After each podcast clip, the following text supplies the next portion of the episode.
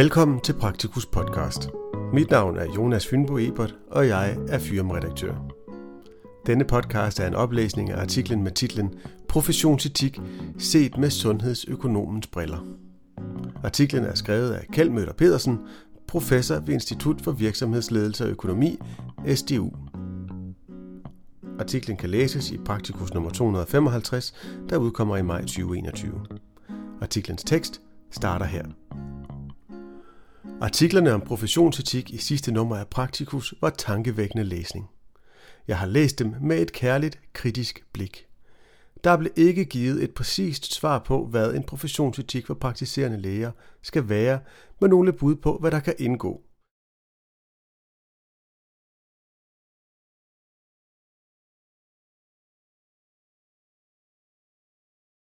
Der savnes imidlertid noget om, hvad der skal være formålet med en professionsetik.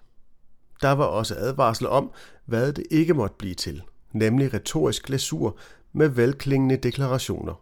Det er jeg helt enig i, og kan føje til, at det heller ikke må blive et snævert identitetsorienteret projekt. Så mister et professionsetik nemlig mening. Pejlemærkerne for almen medicin er herligt befriet for identitetstænkning og fokuserer på, hvordan almen praksis løser sine opgaver. Mine første djøf tanker gik i retningen af, om der er en professionsetik for embedsmænd. Der findes i det mindste et kodex. For få år siden udkom Kodex 7, som er baseret på en rapport fra det såkaldte Bo Schmidt-udvalg.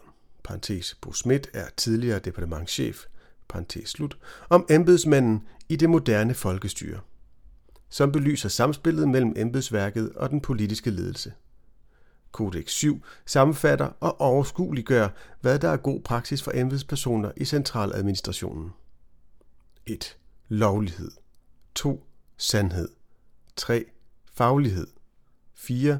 Udvikling og samarbejde. 5. Ansvar og ledelse. 6. Åbenhed om fejl. 7. Partipolitisk neutralitet. Er det professionsetik for embedspersoner? Måske. Men det er afgjort et kodex for adfærd. Spørgsmålet er, hvad der er forskellen mellem et adfærdskodex og en professionsetik. Begge dele har en forståelse af profession som udgangspunkt. Flere professioner har en nedskreven professionsetik, blandt andet sygeplejersker og advokater. En professionsetik har derfor som afsæt en klargøring af, hvad der karakteriserer en profession. Det er blandt andet beskrevet i min bog Dansk Sundhedspolitik i generelle termer. En profession er karakteriseret ved specialiseret viden, som er knyttet til videnskabelig teoretisk træning, det vil sige specialiststatus med et betydeligt element af videns- og færdighedsmonopol. Eksamensbeviser og beskyttede titler fungerer som adgangskort til professionsudøvelse og udgør en social legitimering af vidensgrundlaget. Samfundet tildeler professionerne og de enkelte medlemmer monopol i kraft af autorisationsordninger. Der er tendens til monopoliseringsbestræbelser på arbejdsområdet og autonomibestræbelser i arbejdet. Den professionelle vælger selv midlerne i udførelsen af arbejdet og til dels også målene for indsatsen. Selvforståelsen bygger på viden, etiske koder og altruisme, som bruges til krav om høj materiel og social status. Intern kontrol af medlemmerne, den professionelles arbejde, er kontrolleret af medlemmerne selv, ofte i henhold til etiske retningslinjer, som er fastlagt af professionen. Professionsopfattelsen og identiteten bliver en del af bevidstheden, når væsentlige aspekter trues, f.eks. den kliniske frihed-autonomi. Det må imidlertid ikke blive til en relativ forståelse af en profession, hvor alt er uforanderligt. På den ene side er sikring af monopolet et vigtigt mål, men det må på den anden side ikke hindre for eksempel opgaveflytningen til sygeplejersker, inklusiv mulige ændringer af autorisationslovgivning. Det er selv sagt også forståeligt, at man sigter mod, at professionens indflydelse har høj prioritet og allerbedst har kontrol med udviklingsretningen. Alt i alt må professionens identiteten ikke blive en for insulær opfattelse af professionen – noget en professionsetik ikke bør understøtte.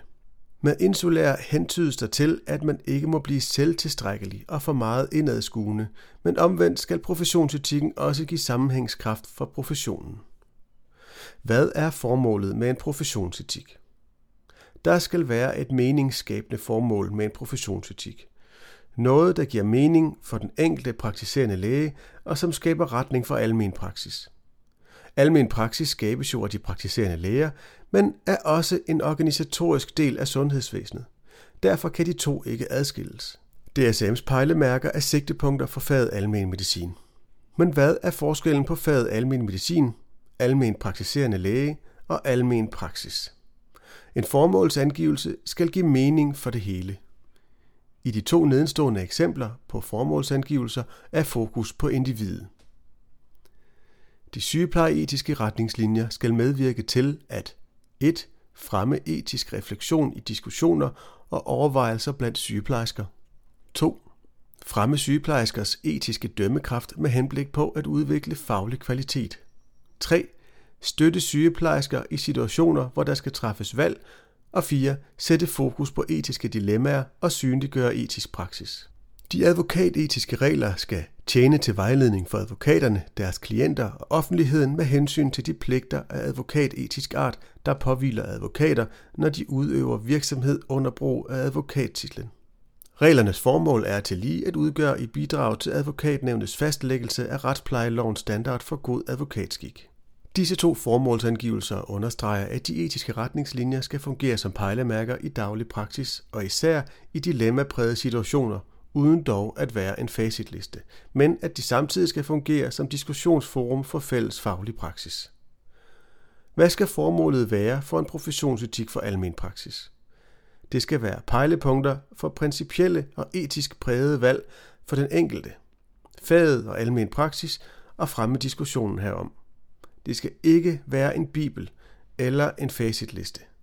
Etik drejer sig grundlæggende om den rette handlen, men drejer sig ikke udelukkende om den enkeltes behandling af andre i de nære relationer, selvom den også er vigtig, hvis et fællesskab skal holde sammen.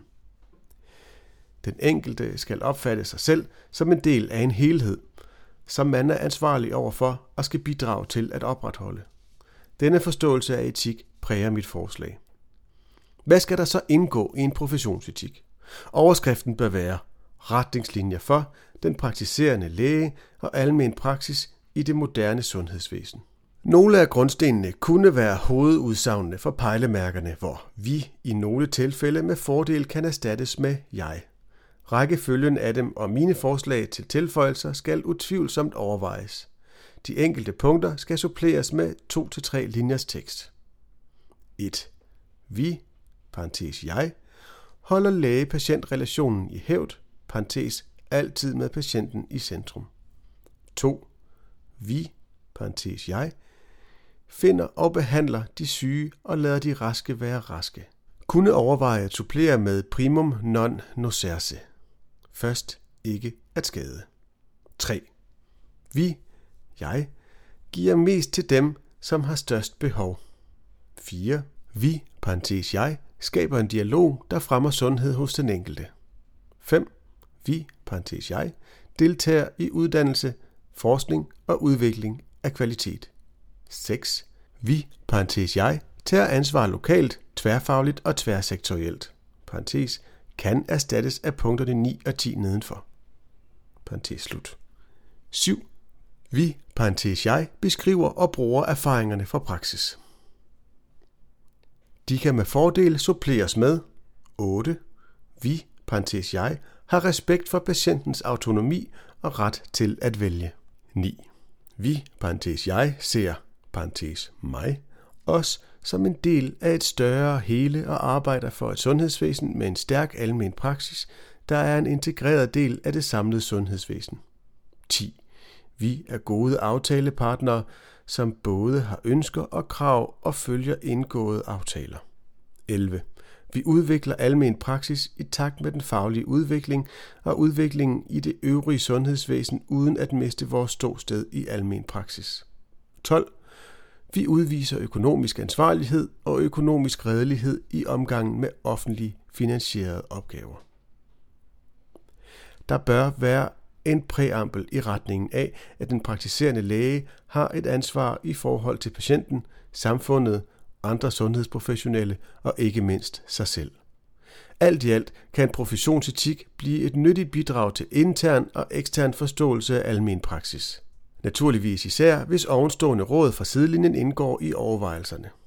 Dobbeltfunktionen er vigtig, fordi jeg under tiden fornemmer en manglende forståelse af, hvad almen praksis er og vil. Artiklens tekst slutter her. Artiklen kan som nævnt læses i Praktikus nummer 255, der udkommer i maj 2021.